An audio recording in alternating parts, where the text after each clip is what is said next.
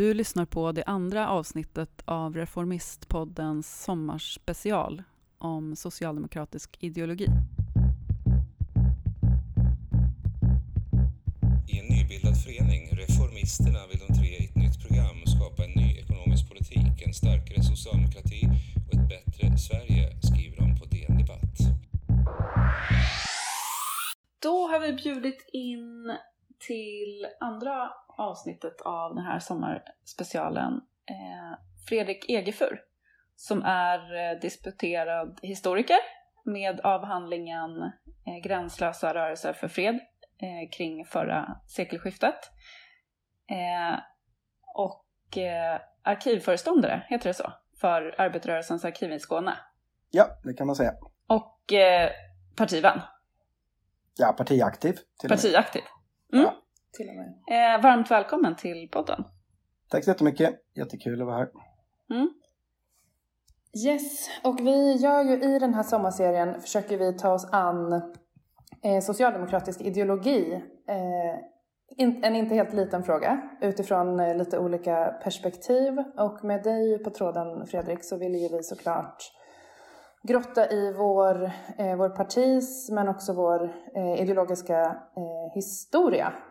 Så jag tänker att vi börjar väl i den, eh, inte helt lilla änden heller, men om du vill liksom berätta om eh, några eh, saker som du utifrån ett historiskt perspektiv skulle anse ha varit liksom bärande eller viktiga eh, för socialdemokratin sen bildandet. Vad gör du för nedstick? Ja, det var ju en enkel eh, inledande fråga. Ja, kör vi. Eh, nej, men en sak som jag tycker är väldigt viktig det är att det är att ta in det internationella perspektivet och det måste man göra redan från starten.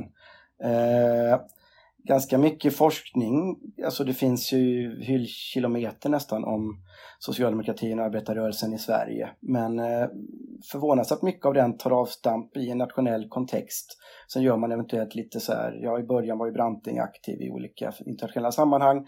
Sen verkar det inte hända någonting förrän Palme dyker upp liksom på 60-70-talet igen och då blir den mm. internationella frågorna viktigt. Men jag tycker att man måste ta in den här internationella aspekten redan tidigt. Alltså att när socialdemokratin kommer till Sverige så är det tydligt en del av en internationell strömning.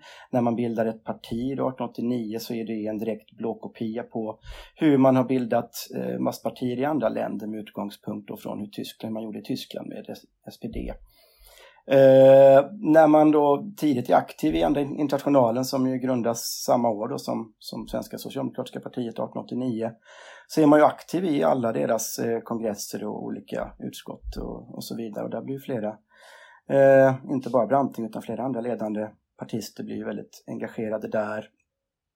När partiet så småningom splittras så är det också resultat 1917, alltså den är, ja, det har blivit grupperingar uteslutna tidigare men när man har den stora partisplittringen 1917 så är det också ett direkt resultat av saker som händer i övriga Europa. Eh, på samma sätt också med eh, vad man haft liksom för fokus och vilka frågor man har arbetat med. Så tycker jag det är, det är viktigt att se det här som en del av en mycket större strömning. Sen är det såklart att det finns ju massa unika inslag i den svenska eller kanske nordiska socialdemokratin eh, som också varit exceptionellt framgångsrik såklart. Men eh, jag, jag, skulle vilja utgå hela fram från den här internationella eh, delen.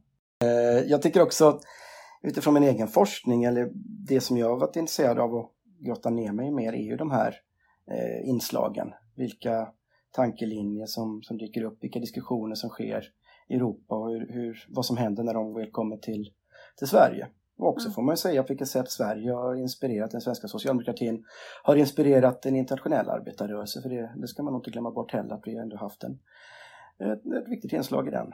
Mm. Man refererar ju ganska ofta, men bara som liksom en, en titel eller en rubrik, liksom, eh, August Palms eh, tal Vad vilja socialdemokratin? Eh, han reste ju runt med det, inspirerad av tysk socialdemokrati eh, mm. i liksom den tidiga arbetarrörelsen.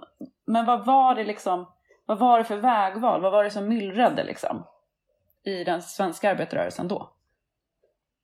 Ja, alltså det visste nog knappt Palm själv eftersom Palm hade ju plockat upp ett sammelsurium av idéer på mm. kontinenten under 1870 och 1880-talet inledningsvis när han var nere på sina resor där. Eh, men då får man också tänka på att vid den här tidpunkten så var ju, alltså socialdemokratin var ju grovt förföljd i, inte minst i Tyskland där man instiftade antisocialistlagar när man i princip ja, illegaliserade och, mm. Eh, socialdemokratiskt partiengagemang. Eh, där formar ju Palm också, för att återvända till, till den frågan. Alltså att när han väl kommer till Sverige har han ju sugit upp det här att man dels är man en utsatt grupp men han, man är fortfarande man, man går ju framåt, alltså det händer saker i olika länder i, i Centraleuropa, i Frankrike, i Tyskland så, såklart, men även i Danmark och Beneluxländerna där han har rört sig, eller Tyskland och, och, och Danmark. Eh, så han har väl en allmän idé om att eh, socialismen och socialdemokratin är någonting helt eget, det är, ska inte alliera sig med, med liberalerna. Det är han ju väldigt tydlig med. Eh, och det är ju en direkt följd av hur man har handskats med det här i, i Tyskland. Eh, men, men Palme är väl på det sättet, han är ju en agitator och han är bra på att få uppmärksamhet och det lyckas han ju med Malmö med det talet då för att dit kommer ju även borgarpressen och bildade borgare för att lyssna och så vidare och där upprepar han ju stad efter stad.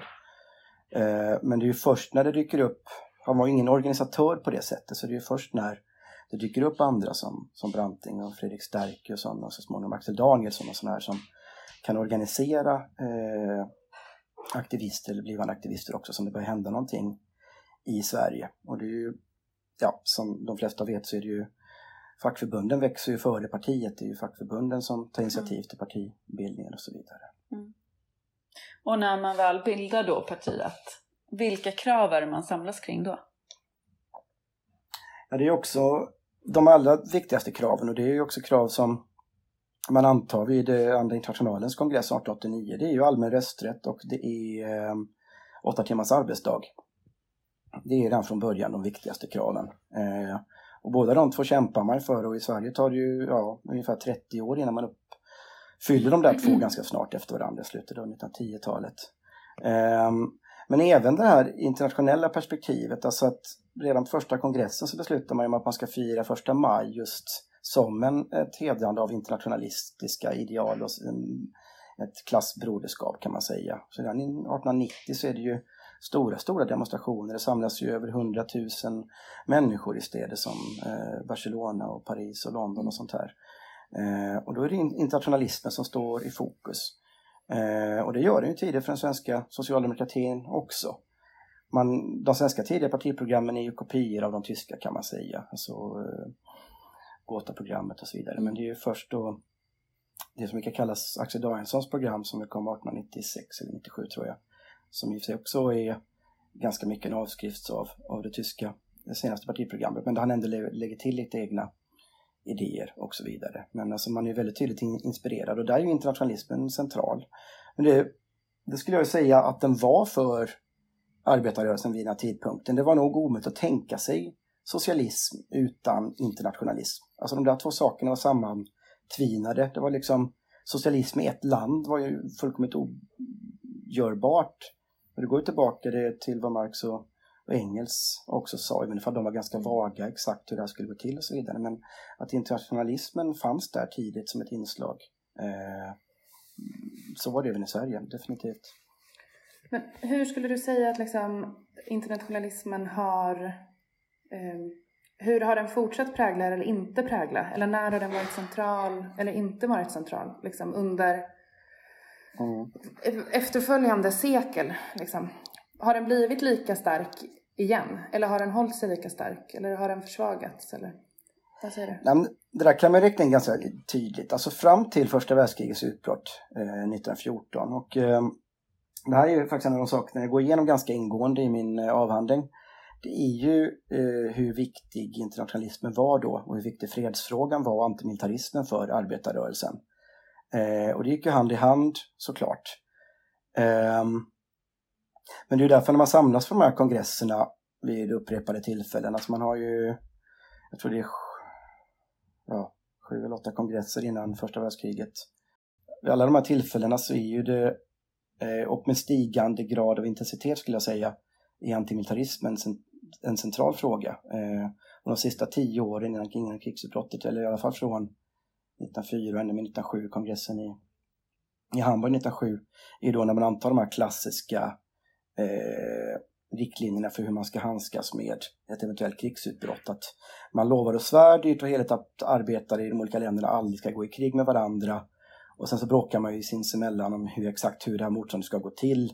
Och man kommer egentligen aldrig fram till någon riktig lösning, vilket ju visade sig sedan 1914 också. Men, men att viljan fanns där väldigt, väldigt tydligt. Och den mm. tas ju återigen då vid kongressen i Köpenhamn 1910 så, så, så, så bekräftar man det här. Och sen har man ju en extrainsatt kongress i basen 1912 just med anledning av att första Balkankriget har brutit ut. Där man igen menar då att det enda som står emellan världen och en, liksom ett, ett blodbad, en massaker, det är ju arbetarrörelsen. Att de är liksom, vi är de utvalda, vi är de enda som står emellan eh, ja, innan det här skulle kunna bryta ut. Och en ledande del i allt det här är ju det internationella eh, perspektivet, att man är klassbröder och att man har mycket mer gemensamt med varandra. Alltså det här krig mot kriget mm. som man antar som, som slogan och som sprids på olika språk eh, är ju en del av det. Eh, men sen blir det ju krig och ja, det där har det ju spekulerats i oändligt mycket och jag, jag, jag bidrar väl också till det du har med ett eget kapitel om varför varför det gick som det gick, eh, varför kriget bryter ut och det finns väl ingen, ingen enkel förklaring men det gör det ju. Eh, och efter kriget så händer ju någonting annat. Det har ju det, arbetarrörelsen har ju splittrats, det har kommit en kommunistisk rörelse som i princip ser den reformistiska rörelsen som nästan sin huvudfiende. Eh, man har Lenin som anklagar andra internationaler och framförallt Karl Kautsky då som var den tyske eh, ideologen för att egentligen vara ansvariga för att det här kriget väl bröt ut. Eh, eh så då, det återkommer ju, alltså man bildar ju en ny eh, reformistisk socialdemokratisk international också som, som ni vet. Men då är ju den ju en konkurrent till den kommunistiska, alltså Komintern-internationalen. Um, så den internationalismen som, som dyker upp igen är ju någonting annat. Den är liksom inte grundläggande längre. Uh, ifall det inte gick att skilja socialism och internationalism från varandra, som jag skulle argumentera för före kriget, så, så dyker det upp en annan variant av socialdemokrati på 1920-talet. Och I Sverige har vi då den här kulmineringen med folkhemstalet och, Per Albins tydliga vilja att vilja prata om medborgare istället för klass och så vidare. Och så vidare. Mm. Eh, och den, ja, den är väl rådande, alltså det händer ju oerhört mycket i världen såklart. Man har ju en depression, man har andra världskriget, man har kallt krig och så vidare. Så det är väl egentligen först på 60-70-talet det börjar dyka upp någon form av internationellt perspektiv på allvar igen mm. inom arbetarrörelsen i samband med avkolonialiseringen, Vietnamkriget och, och så vidare. Skulle väl jag säga, men jag är ingen expert på, på senare tider, det där vet ju ni minst lika väl. Vad, vad tycker ni? Har vi Nej, men jag, skulle vilja, jag skulle vilja dröja lite i, i det här eh, för demokratiskt. Alltså det är svårt att liksom föreställa sig att vara en, eh, liksom, vara aktiv i arbetarrörelsen innan demokratins eh, genombrott. Vad man själv skulle tänka kring olika vägval man har och sådär. Men det finns ju något väldigt intressant i, i det som du beskriver, att man, att man inte kunde skilja eh, socialismen och internationalismen åt. Eh, men sen hände ju olika saker. Alltså kriget hände, eh, första världskriget. Eh, och socialdemokratin i olika länder, bland annat i Sverige, eh, tog liksom ställning för, för staten och försvaret. Mm. Man beskriver ju ibland liksom partisplittringen som bara en, någonstans väldigt så här, är ett enkelt vägval mellan eh, reformism och mm. revolution. Men det handlar ju väldigt mycket om det här synen på staten och internationalismen. Mm. Eh, vad liksom, du som har studerat mycket då eh, fredsrörelsen, den socialistiska fredsrörelsen under den här tiden. Eh, liksom hur, vad liksom vägde över eh, i när man, när man tog ställning på det sättet, var det liksom eh, att kriget skedde eh, eller var det ett mera överlagt liksom, vägval? Eh, att teama upp vid, bakom staten och försvaret? Alltså man gör ju inte riktigt det heller, och så enkelt är ju inte det heller att man teamar upp direkt. Alltså Sverige lägger ju ändå på 20-talet de största nedrustningsbesluten eh, liksom, eh, man har haft. Eh, när man väl har makten och när Per Albin av alla innan är ju krigsminister liksom. En, men det som hänt tidigare, får man gå tillbaka lite, så, som du säger, jag tycker partisplittringen är viktig där, för att det är ju ändå andra gången på tio år som man, som man skär bort liksom en ganska väsentlig del, inte minst av de unga och partiet. Det är ju så ändå så att det första ungdomsförbundet, alltså de som brukar kallas ungsocialisterna, de blev ju också uteslutna 1908, eller man uteslöt deras två ledare liksom, och så lämnade ju alla andra, men det var ju såklart beräknat. Det var ju de som även kallas unghinkarna ibland efter mm. Hinke Berggren. Men det innebär ju också att men redan tidigare hade det kommit protester mot deras eh, de kallades ju anarkister men det var de inte riktigt heller. De var också väldigt oklara vad de egentligen var. Men någon form av syndikalistisk anarkistisk eh, del hade de ju sin ideologi. Men redan 1903 så hade det dykt upp ett annat ungdomsförbund. För då hade ju alltså Per Albin Hansson och Gustav Möller, Fabian Månsson, andra malmiter splittrat ungdomsförbundet med utgångspunkt då i Malmö. Så mellan 1903 och 1908 har man ju två konkurrerande ungdomsförbund, Ungdemokraterna och Ungsocialisterna. Ehm, båda de två drevs ju av en tydlig internationalism och också en väldigt tydlig antimilitarism i alla fall det tog några år för Ungdemokraterna att växa fram, eller få fram den. Men det är ju de Ungdemokraterna tar ju över som en enskilt ungdomsförbund 1908 då när Ungsocialisterna blivit utslutna. Och sen är det de som radikaliseras under 10-talet och det här vet ni ju, men eh, som så småningom mer eller mindre lämnar eller blir utslutna, i man ska se det, 1917. Eh, men ett centralt inslag i de här, båda de här ungdomsförbunden som jag sa var ju antimilitarismen. Ehm, så det är ju en, det är en besvikelse i Sverige under, dels under kriget. Man har ju en på pappret opolitisk ministär under Hjalmar Hammarskjöld men den är ju egentligen tyskvänlig, den är ju konservativ på det sättet, även om han inte var partiaktiv. Eh, man har ju en tydlig vilja från både officerskåren och från kungahuset att man ska sluta upp på Tysklands sida, vilket ju är bland annat det som gör att till slut så sätter Storbritannien Sverige i blockad 1917, ju, vilket gör att vi inte får in mat nog, vilket leder till hungerkravallerna. Alltså ett inslag blir en massa andra.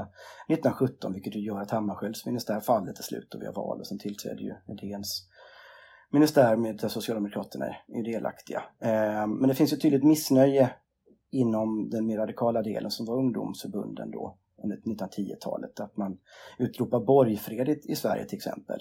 Mm. Eh, vilket ju Branting gör när kriget bryter ut. Att nu ska vi inte föra liksom intern opposition utan nu står vi samlade som, som ett land, en stat. Och det var ju så här fullkomligt otänkbart att ens nämna bara några år tidigare liksom. När man såg den här klassolidariteten med andra länder som det som det allenarådande nästan. Ehm, så de här delarna finns ju kvar alltså. Och sen har man ju splittringen och sen så är det ju en process. Men den är ju inte enkel utan den, den håller ju på i 10, 15, 20 år fram när man som socialdemokrati efter flera då regeringsinnehav på 20-talet under Branting först, ett kort tag under Rickard Sandler och sen så småningom då när eh, Per Albin kommer till 32. Alltså det där är ju en process som pågår. Eh, och när man så småningom börjar anamma andra idéer för hur man ska ta makten långsiktigt och det är väl det som som brukar kallas bland annat det som du nämnde Sara, funktionssocialism och så vidare. Men det var ju liksom ingen självklarhet att det där skulle ske och eh, det har skrivits en hel del bra böcker om det här men jag kan framförallt rekommendera en gammal bok som heter Från kosackval till kohandel eh, som handlar om hur socialdemokratin, den har ni läst kanske bara två från, som handlar om hur man liksom stärker eh, makten över rörelsen, alltså mellan 1928 till 1932 ungefär. Det spelar ju också in att även ifall det har funnits då dels ett annat parti, alltså man har ju det som blev Socialdemokratiska vänsterpartiet 1917 som sen blev Sveriges kommunistiska parti som småningom splittrades. Vi hade ju två stycken SKP som konkurrerade med varandra och så vidare. De ena blev ju nazister. Det finns det många historier kring det där partiet. ja, det gör det faktiskt. Men, eh, men på något sätt så hade ju både alltså, SAP men framförallt LO tog ju fortfarande någon slags överrådande ansvar, även om man hade en alternativ fackföreningsrörelse också efter, efter att syndikalisterna grundades 1910. Så till exempel då Stripa-konflikten som var en långvarig strejk 1925-26 eh, tror jag som ändå slutar med att socialdemokratiska regeringen under Sand, Rickard Sandler faller för att man liksom tar ansvar för en syndikalistisk strejk på något sätt också. Det, och sen så har man ju valet då 1928, det som kallas kosackvalet, där man har en parti, eller man har liksom en, eh, ett samarbete med SKP eh, som då borgarna väldigt tydligt använde mot sossarna om man går tillbaka för första gången sedan allmänna rösträtten mm. infördes. Eh, då på något sätt bestämmer man ju så här aldrig mer att vi ska ta ansvar för den här liksom, yttre vänstern, vare sig mm. fackligt eller partipolitiskt. Eh, och det skulle väl jag tro ha att göra med att, att man börjar fundera liksom på en annan väg och identifiera sig som, som rörelse eller som parti eller som fackföreningsrörelse också. Eh, så det är väl faktorer som samverkar.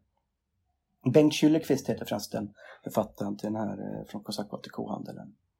Den står sig bra. Mm, just det.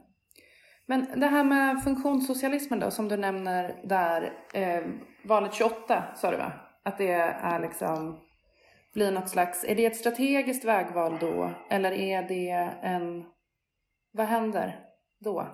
Istället för, för den tidigare inslagna vägen?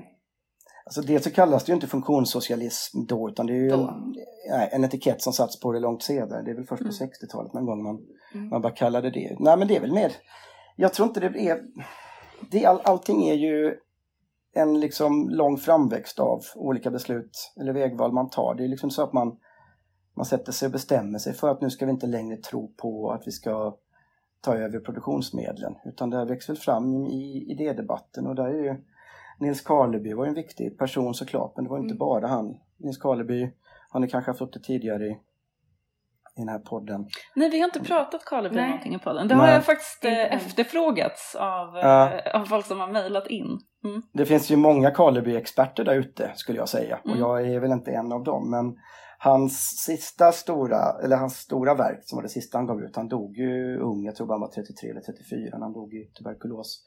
Den hette ju Socialismen inför verkligheten.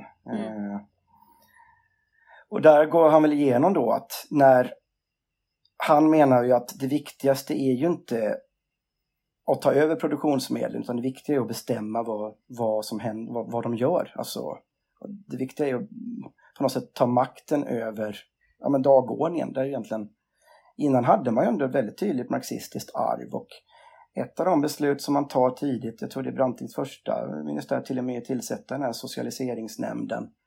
Eh, där sitter ju Wigfors med, men där sitter ju också Nils Karleby med. Eh, men då är det väl fortfarande mer eller mindre självklart att bara för att man har valt en reformistisk linje till att ta över samhället istället för en revolutionär linje så innebär ju inte det att slutmålet är annorlunda utan slutmålet är ju ett socialistiskt klasslöst samhälle. Eh, men det ska alltså ske via val, via rösträtten istället för via någon form av väpnad revolution. Mm. Eller som syndikalisterna vill genom en generalstrejk där man så småningom tar över produktionsmedlen. Men, Eh, men när man då på 20-talet börjar diskutera de här frågorna, eh, vad, hur ska det här maktövertagandet gå till? Det är väl då det dyker upp en mer av alltså den här mer praktiska linjen istället och då formuleras det tankar som som inte riktigt fick sitt namn då. Men framförallt Karleby då som menar det här att viktigast är att vi ser till att vi kan bestämma vad produktionsmedlen tillverkar och ta mer makt över vad eh, lönesättningar och skattefrågor och så vidare. Um, och det är ju mm. viktigt, inte minst för en väldigt ung Tage Erlander under den här tiden. Han har skrivit mycket om det själv. Jag tror till och med han skrev något förord när man gjorde en återutgåva av den här Karleby-boken på 70-talet efter att han har avgått som, som statsminister. Eh, och så var det ju många ledande socialdemokrater inom då, ja det är ju så småningom den tredje generationen eh, faktiskt socialdemokrater med Erlander och kompani som, som mer börjar verkställa det här. Men även, även Wigforss då som är ju ledande ideolog kan man säga och det är ju han som utformar krispolitiken på 30-talet eh, med beredskapsarbeten och annat. Han tar väl också intryck av det här och han är ju liksom före eh, ja, Keynes och sådana andra internationella forskare som, som har fått eh, störst erkännande för och med sitt, sitt ekonomiska arbete kring hur man ska motverka konjunktursvängningar och annat. Men Ernst Wigforss var ju filolog egentligen, alltså han var ju språkvetare från Halland. Han skrev en avhandling om halländska dialekter. Så hans väg in som ekonomisk eller marxistisk ideolog var inte självklar.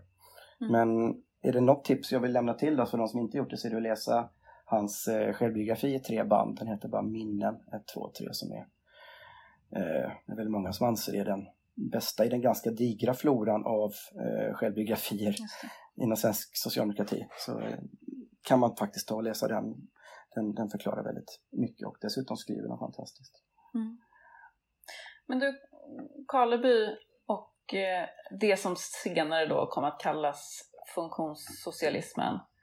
Eh, man flyttade ju fokus då från frågan om att eh, överta produktionsmedlen till att reglera, beskatta, införa sociala mm. reformer.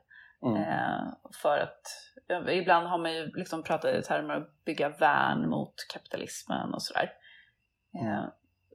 skulle du säga att det har liksom, var det främst en strategi eller skulle du säga att det var liksom en förändring av socialdemokratins väsen? Det kanske är högtravande att säga. Men du förstår vad jag menar? Är det liksom, ja. Var det en idémässig omsvängning eller var det liksom bara eh, det här gör vi nu för det är det vi kan göra just nu? Ja, nej men på något sätt är det ju en, det är en förändring av praktiken i alla fall. Eller kanske inte det heller. Det är en förändring av eh, ja, världen, alltså den stora depressionen är ju en gigantisk sak i världen. Den påverkar ju liksom det mesta man trodde man visste.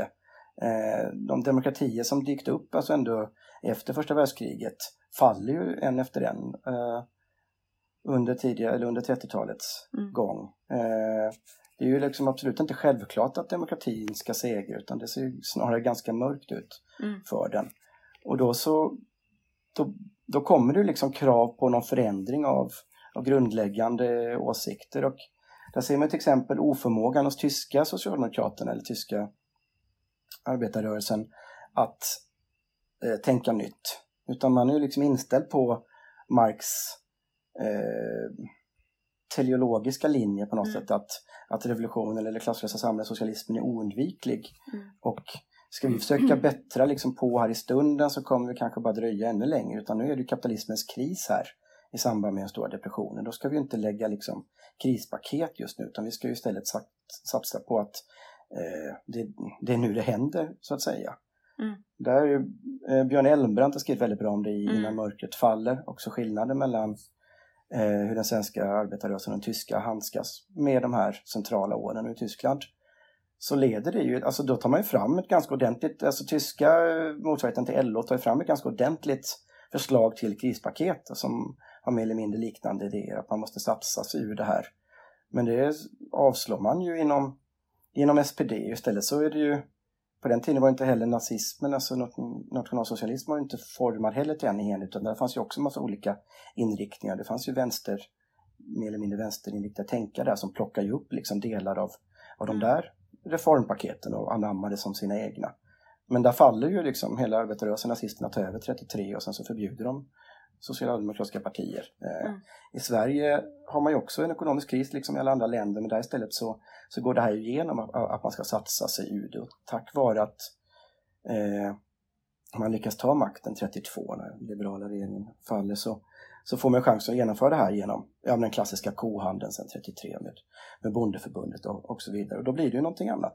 Eh, men det hade ju inte varit dels det hade inte varit möjligt utan att det hade funnits ett förarbete kring det här, att man hade börjat fundera och skriva och diskutera om en annan väg till, till socialismen.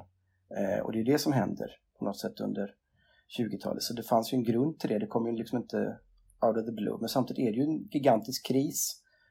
Och det är ju då, det brukar ju sägas att en kris är ju också någon form av möjlighet att testa någonting nytt. Det gör man ju väldigt framgångsrikt. Eh, men exakt hur det där sker, det är också tillfälligheter. Liksom man lyckas manövrera ut eh, mer reaktionära bondeförbundare och göra upp med en yngre generation där så att man får igenom frågorna. Och göra upp med bondeförbundet var ju en long shot om något. Alltså det var ju Liberalerna man haft någon chans att göra upp med tidigare. Bondeförbundet var ju på, oftast på landsbygden ett djupt reaktionärt parti. Så det är ju också tillfälligheter väldigt mycket att det här får testas. Mm. Eh, men då har man liksom då har man haft nytta av att man haft de här ideologiska debatterna. Att man har en sån som Nils Karleby som är liksom 20 plus eller någonting och sitter och skriver ledare nere i liksom någon landsortstidning i Helsingborg tror jag han var då som handlade om Marx hit och dit. Jag fick ju till och med kritik för det av, av folk i staden som tyckte så här, ja men, ja Marx hittar Marx dit, skriv lite om bröd och sill istället, folk svälter ungefär. Mm. Det är tidigare liksom, men ändå. Man har ju en väldigt livaktig ideologisk debatt i många olika forum och det går ju tillbaka liksom det går ju tillbaka till dess grundande. Det där, är ju, det där tycker jag är oerhört intressant att försöka följa i tidigare idédebatter inom socialdemokratin. Alltså vi utgår ifrån vad det blev, men det visste ju inte de. För dem var ju allting öppet, för dem var det ju inte någon självklarhet, även om man såklart trodde på eh, någon form av vetenskaplig marxism där man tar makten, men det visste man inte riktigt hur det skulle gå till. Men tittar man liksom på de här debatterna som förs i olika forum tidigare så, så dyker det upp liksom nya idéer, nya planer och så vidare. Det är liksom... Eh, jag skrev eh, tidigare, jag har tidigare skrivit om just de här ungdomsförbunden, ungsocialisterna framförallt, och ungdemokraterna. Men, eh, och sitta och läsa protokoll från den här tiden är ju fantastiskt intressant. Där kan de samlas liksom en ett tiotal ungdomar, liksom, säg mellan 17 och 18 upp till 23-24 som har jobbat under dagen då, som alla jobbade, det är liksom inga studenter det här, eh, som samlas på kvällen och sen har de ett, ett möte där de ska diskutera hur vi ska avskaffa all religion ungefär, diskussionspunkt. Så har man mm. tio sidor liksom protokoll med, mm. med vad de tycker om det här, för man skrev ju också en annan typ av protokoll på den tiden där man sammanfattar liksom mer, det blir liksom dis diskussionsprotokoll. Men där märker man ju att alltså, den interna bildningsverksamheten och den interna debatten är ju en så pass oerhört centralt inslag ända från starten inom arbetarrörelsen, mm. inom partiet, inom de fackliga delarna och inom ungdomsförbund och kvinnoförbund och andra inslag. Eh, när man tittar liksom, jaha, det har dykt upp något som heter syndikalism i Frankrike. Och då bör man liksom översätta franska artiklar producerade då i de i Ungsåslas tidning Brand. Vad är det här för någonting? Kan vi användning av det? Vad kan vi plocka? Och så vidare. Och där är man liksom del av ett internationellt utbyte väldigt tydligt. Eh, så, och där försöker man bilda varandra. Det är jätteviktigt. Det är ju det man har. Mm. Eh, det är därför man bildar liksom sina egna tidningar, sina egna folkskolor, sina egna folkbibliotek. Alltså man har sina egna studiecirklar. Alltså folkbildningen är ju eh, ett gigantiskt viktigt inslag inom, inom arbetarrörelsen. Och har ju varit det eh, väldigt, väldigt länge. Men du, ett litet sidospår. Alltså när man, när man försöker läsa sig in på eh, arbetarrörelsens historia så kan man ju verkligen känna var är brudarna? Du som har djupdykt i olika protokoll, har du hittat mm. dem? Ja, men alltså vi har ju från 1888 här i Malmö har vi ju Malmö kvinnliga diskussions, arbetares kvinnliga diskussionsklubb. Eh, Skilde sig diskussionen åt bland eh, liksom kvinnorna? På sätt och vis så den del gjorde ju det, för där var det ju tidigt, alltså man försökte ju ha eh, kvinnliga inslag eller separata kvinnliga klubbar tidigt. Sen försvann ju den idén ett tag innan den återkom på nytt ju. Eh, men det finns ju liksom inte separatistiska föreningar att studera så jättemycket mer sen. Man har liksom en kvinnlig diskussionsklubb och så vidare. Eh, men man blir också man, man, är ju en del av ett parti, alltså i Malmö så blir det ju ett viktigt inslag i striden om vem som ska ha makten över Malmö socialdemokratiska förening. Eh, det är ju Axel Danielsson är ju ledande man i, i Malmö inom socialdemokratin. Han är ju chefredaktör för Arbetet inte minst. Men mm. Hans fru Elma Danielsson är ju journalist för Arbetet, eh, jätteviktig sådan. Eh, han söp ju ihjäl sig liksom redan som ung, 1899, 1900, eller dör men hon lever ju 30 år till och fortsätter ju vara jätteviktigt inslag i Malmö stads politiska utveckling. Nu ska man ju faktiskt, äntligen är det faktiskt på gång en kampanj här i Malmö eh, det finns faktiskt inte en enda staty i Malmö över en namngiven kvinna. Mm. Eh, det finns ju nakna kvinnor i fontäner och annat men mm. nu finns det i alla fall en omkommen kampanj att man ska resa en staty över Elma Danielsson här nere. Mm. Eh, så vi har lite, ja, vi har varit lite indragna den också från arkivets sida. Eh, men kvinnor är ju aktiva, det är de ju definitivt. Det märker man ju liksom. De är, det är ju inte det är övergripande män, men tittar man på de här ungdomsklubbarna som jag har kanske studerat mest då, så är det ju tydligt att där existerar kvinnor och de pratar ju också på mötena Och där märker man ju ingen skillnad egentligen. De läser ju samma böcker som Mm. de andra. Man pratar inte om det specifikt kvinnliga där. Eh, men sen finns det väl, det finns ju verkstadsklubbar och annat på mer kvinnligt dominerande fabriker och som går i strejk och alltså de är ju en del av en politisk va- vardag de också.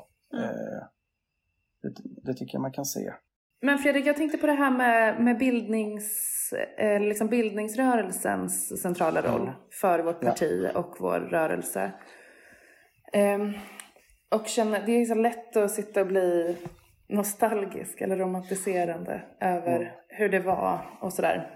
Ehm, och med gamla protokoll och, och allt sånt där. Men jag tänker att det är en så spännande, för jag menar den rörelsen finns ju kvar idag, eh, formellt liksom. Vi har, har ABF finns kvar, liksom. vi har, har institutioner som, som bär och eh, borde bära i alla fall den typen Mm. av, av bildning. Men jag kan ibland tänka, eh, jag vet inte om jag kommer landa i en fråga, men nu tänker jag högt med dig på tråden. Men, men att det är så mycket, alltså jämfört med då, eh, så är det så väl Alltså vi är så institutionaliserade idag som, som rörelse så att vi liksom har tappat eh, rörelsen lite. Kanske om man jämför med då liksom unga aktiva eh, i början av 1900-talet som hjälptes åt att översätta franska texter och, och liksom ja men så klassiskt liksom bildningsarbete.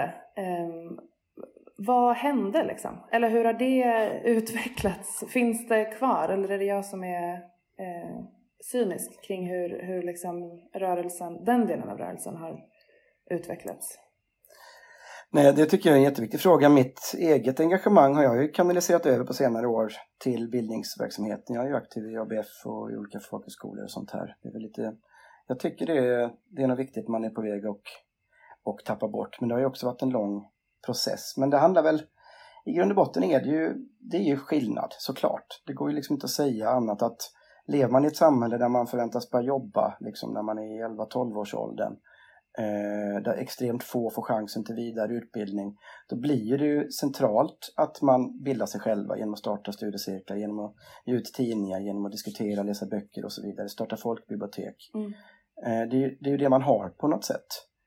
I dagsläget är det ju inte så. Vi lever ju snarare i någon form av informationsöverflöd där vi inte ens kan sovra mellan all, liksom, alla nyheter och all fakta som når oss. Men Mm. hur man på något sätt vänder tillbaka till den delen, det är väl en viktig, ja, det är den avgörande frågan inom, inom folkbildningen. Och det, det diskuteras ju såklart, men eh, igen. Men, men, men- men, jag skulle bara vilja komma till det, det centrala här är ju att, att folkbildningen fortfarande gör nytta. Det ser man ju inte minst på vad är det liksom borgare och sverigedemokrater vad är det första de gör, inte minst här i Skåne när de tar makten i kommuner, det är ju att ge sig på folkbildningen. Då Mm. halverar man ju sina kommunbidrag till folkbildningen och det är ABF, det är de man vill åt. Och så har det blivit i flera kommuner här nere. Eh, man är ju emot folkhögskolorna, man är ju fortfarande emot den här eh, möjligheten för, ja men det det handlar om är ju ofta arbetarklassungdomar och eh, folk som kanske inte har en ordentlig gymnasieexamen och annat att, att, att skaffa sig det här. Och tydligt så identifierar ju fortfarande borgarna det här som en, någon form av huvudfiende att angripa. Och vi borde väl kanske värdesätta det än mer än, än, än vad vi gör då. Eh, sen är det ju, den eviga frågan är ju hur konkurrerar man om uppmärksamheten i, i dagens samhälle? Det är ju det, det, det gäller ju det politiska lika väl som det, som det fackliga, som, som folkbildningen. Det är ju den stora Mm. frågan vi i hela Mm. arbetarrörelsen måste ställa oss. Eh, Mm. Där har väl inte jag något bra svar heller, men jag tycker det är viktigt att vi lyfter det. Vad skönt om vi hade löst det. Här. Eller hur? Här, här och nu hade vi kunnat bara komma fram till så här. 10 000 kronors fråga. Vi har den. Ja, Men Du Fredrik, genomgående eh, när vi har pratat nu har ju varit att du har svarat på olika frågor med så här, det var inte så att man eh, best, bara bestämde att det skulle bli på ett eller annat sätt utan eh, saker blir liksom. mm. Mm. Ehm, och det har ju lite till en reformistisk rörelse. Att man gräver när man Ja. står och det inte finns en, en plan med stort P liksom. Mm. Men det har ju de senaste åren liksom pratats väldigt mycket om så här eh, olika saker som sker idag som, som klassisk socialdemokratisk politik. Alltså att det har blivit ett argument för eh, olika politiska förslag och reformer och sådär. Men går det liksom, går att prata om klassisk socialdemokrati på det sättet? Just utifrån liksom, just utifrån det att saker har blivit som de har blivit, inte bara som en, som en plan utan för att man gräver där man står. Nej, men alltså, saker har också blivit som de har blivit. Ifall man utgår då från den framgångsrika epoken av socialdemokratin. Eh, ifall man då tänker att det är... När är den?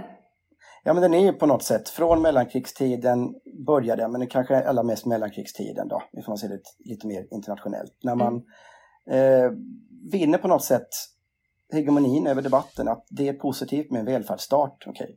Det är en typisk socialdemokratisk reformistisk idé mm. som absolut inte var någon självklarhet innan. Och hur den ska byggas upp, alltså inte utifrån något liksom, individuellt perspektiv som kanske det fanns förslag på en liberal välfärdsstat. Men nu ser att man, man, ska, man ska lyfta alla, det ska vara kollektiva reformer som, som gagnar alla.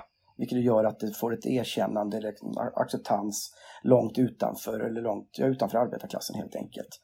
Eh, och det gör man ju på ett extremt framgångsrikt sätt under ett halvt sekel, mer eller mindre. Mm. Ifall man säger att det är den klassiska eh, framgångsrika epoken inom socialdemokratin. Eh, och den, alltså den, den utvecklingen fortsätter ju för att den är framgångsrik. Alltså man märker att någonting funkar. Och då fortsätter man ju med det. Det är ju liksom, man testar olika saker. Det finns ideologiska debatter, man har olika förslag. Vi gör så här. Ja, det var framgångsrikt. Då fortsätter vi bygga på det. Tänker för att vi bygger på det med det här. Okej, kanske den här reformen som ett, ett, ytterligare en följd av den förra. Det är ju liksom, det, det, det, är det jag menar också är det, väl som ni säkert håller med mig om. Det är det som är det, reformismen. Det vill mm. säga att, mm.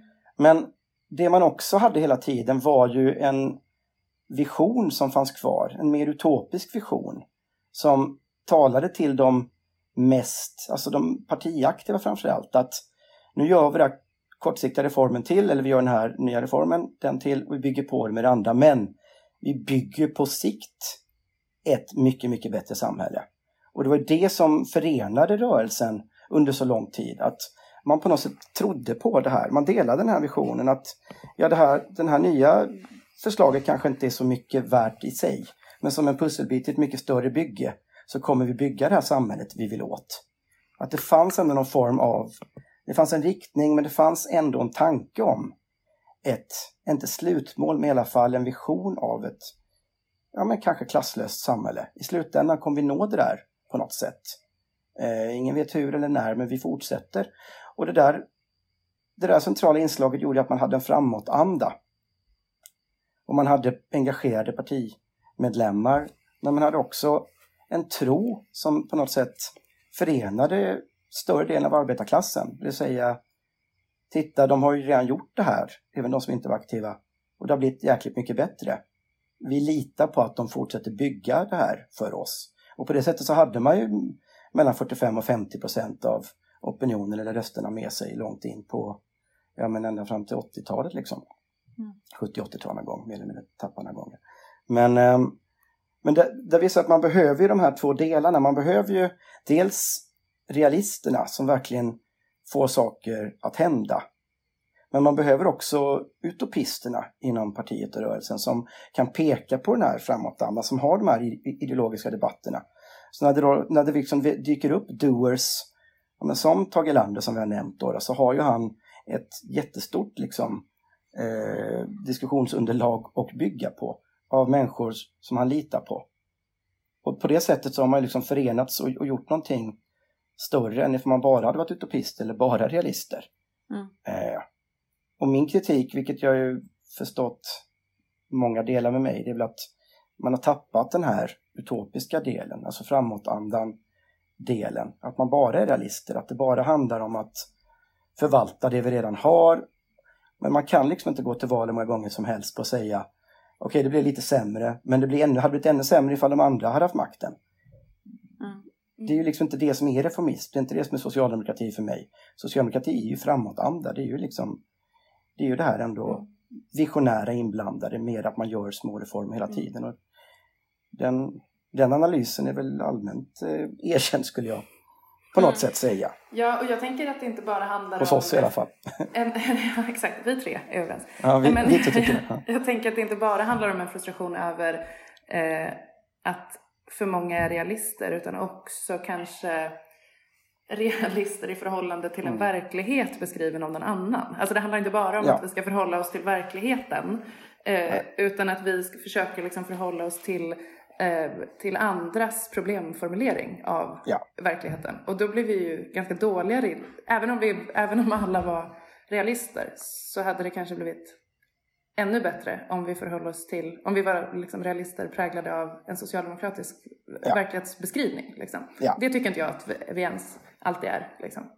Mm. Så både fler utopister och, och visionärer och ideologer önskar jag mig, men också en förflyttning av verklighetsbeskrivning och problembeskrivning. Och det kanske hänger ihop i och för sig. Det är väl de som, ja. som bidrar med det. Ja, definitivt. Ja, ja. Nej, men jag håller ju helt med dig såklart. Det är ju så länge man liksom agerar utifrån en annan men man pratar ju ofta om problemformuleringsprivilegiet. Eh, mm. Och så länge man inte har det själv eller tar makten över det själv så är det ju svårt att handskas med en situation eller ett samhälle ifall man bara försöker mm. svara på andras frågor. Och det var väl också där som man var så extremt framgångsrika under det här halvseklet, att man lyckas vara de som, som satte makten över vad som diskuterades. Eh, det man brukar kalla hegemoni. Mm. Men, men där har man också liksom, när man inte pratar om mer utopiska inslag, eller hur man ska säga. Jag, ett exempel jag brukar ta upp när jag föreläser eller sånt för studenter och annat, det var ju så här att Ja men vad, vad, vad, skulle man säga dagens socialdemokrati som har köpt arbetslinjen och det har man gjort sedan lång, lång tid tillbaka. Nu pratar jag, det gjorde man ju redan under den framgångsrika epoken. Eh, att man ska jobba eh, för att vi ska ha råd till reformer ungefär.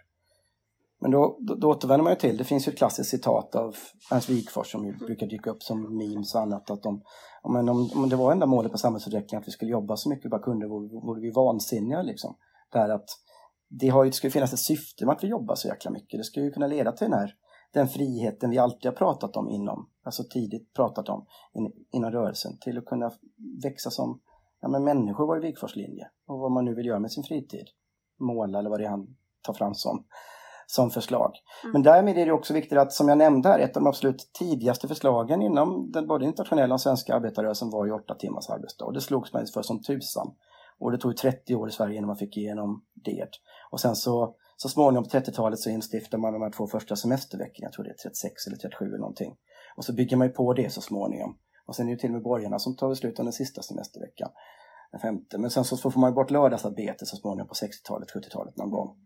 Men vad, vad sa att vi skulle sluta korta ner arbetstiden ungefär? Det är ju en fråga vi inte har kämpat för då på 50 år. Visst, man kan ta upp familjevecka men det kanske inte riktigt, folk gjorde inte direkt vågen över den därför att den blev för abstrakt. Men jag tror att det där var ett tidigt utopiskt inslag. Man ska begränsa arbetets skadeverkningar. Det är minst lika viktigt. Ett jättestort del av de tidigare reformerna man lägger på 30-talet, det är ju så arbetsmiljölagstiftning, alltså att man ska skydda folk från helt enkelt från sin arbetsmiljö. Då dog ju folk jättemycket mer. Folk dör ju fortfarande i orimligt antal på svenska arbetsplatser, mm. men då gjorde man ju verkligen ännu mer. Men samtidigt så har man ju väldigt mycket nyare former av sjukdomar, alltså med stressrelaterade och annat som har med arbetet att göra. Mm. När tappar man bort ett sånt utopiskt inslag att vi måste begränsa arbetets skadeverkningar på arbetarklassen? Alltså, det är obegripligt för mig att man inte fortsätter att plocka upp en sån tråd. Vi har och fått igenom liksom... det i Stockholm i alla fall. Ja. Det är glada ja, nyheter till kongressen. Jättebra. Ja. ja visst. Nej, det är fantastiskt att man tar upp den tråden igen och eh, där någonstans är ju liksom men jag tror fortfarande att man kan lära sig ganska mycket av att titta på ja, men en, vårt parti och rörelsen under sin formativa period. Mm. Det dök upp massa olika frågor. Vad slogs man för då? Vad var det man liksom brann för? Sen så är det ju, vi lever ju i en helt annan tid, det kan man inte använda som en blåkopia men eh, ganska mycket andra idéer är ju på väg tillbaka. Men så fan, sms-jobb när man, eller vad man nu kallar det nu för tiden, mm. när man inte vet vad man får jobba varje dag. Det är ju, det är ju som man hade dagtingare förr. Alltså mm. det där slogs man ju mot på något sätt. Mm.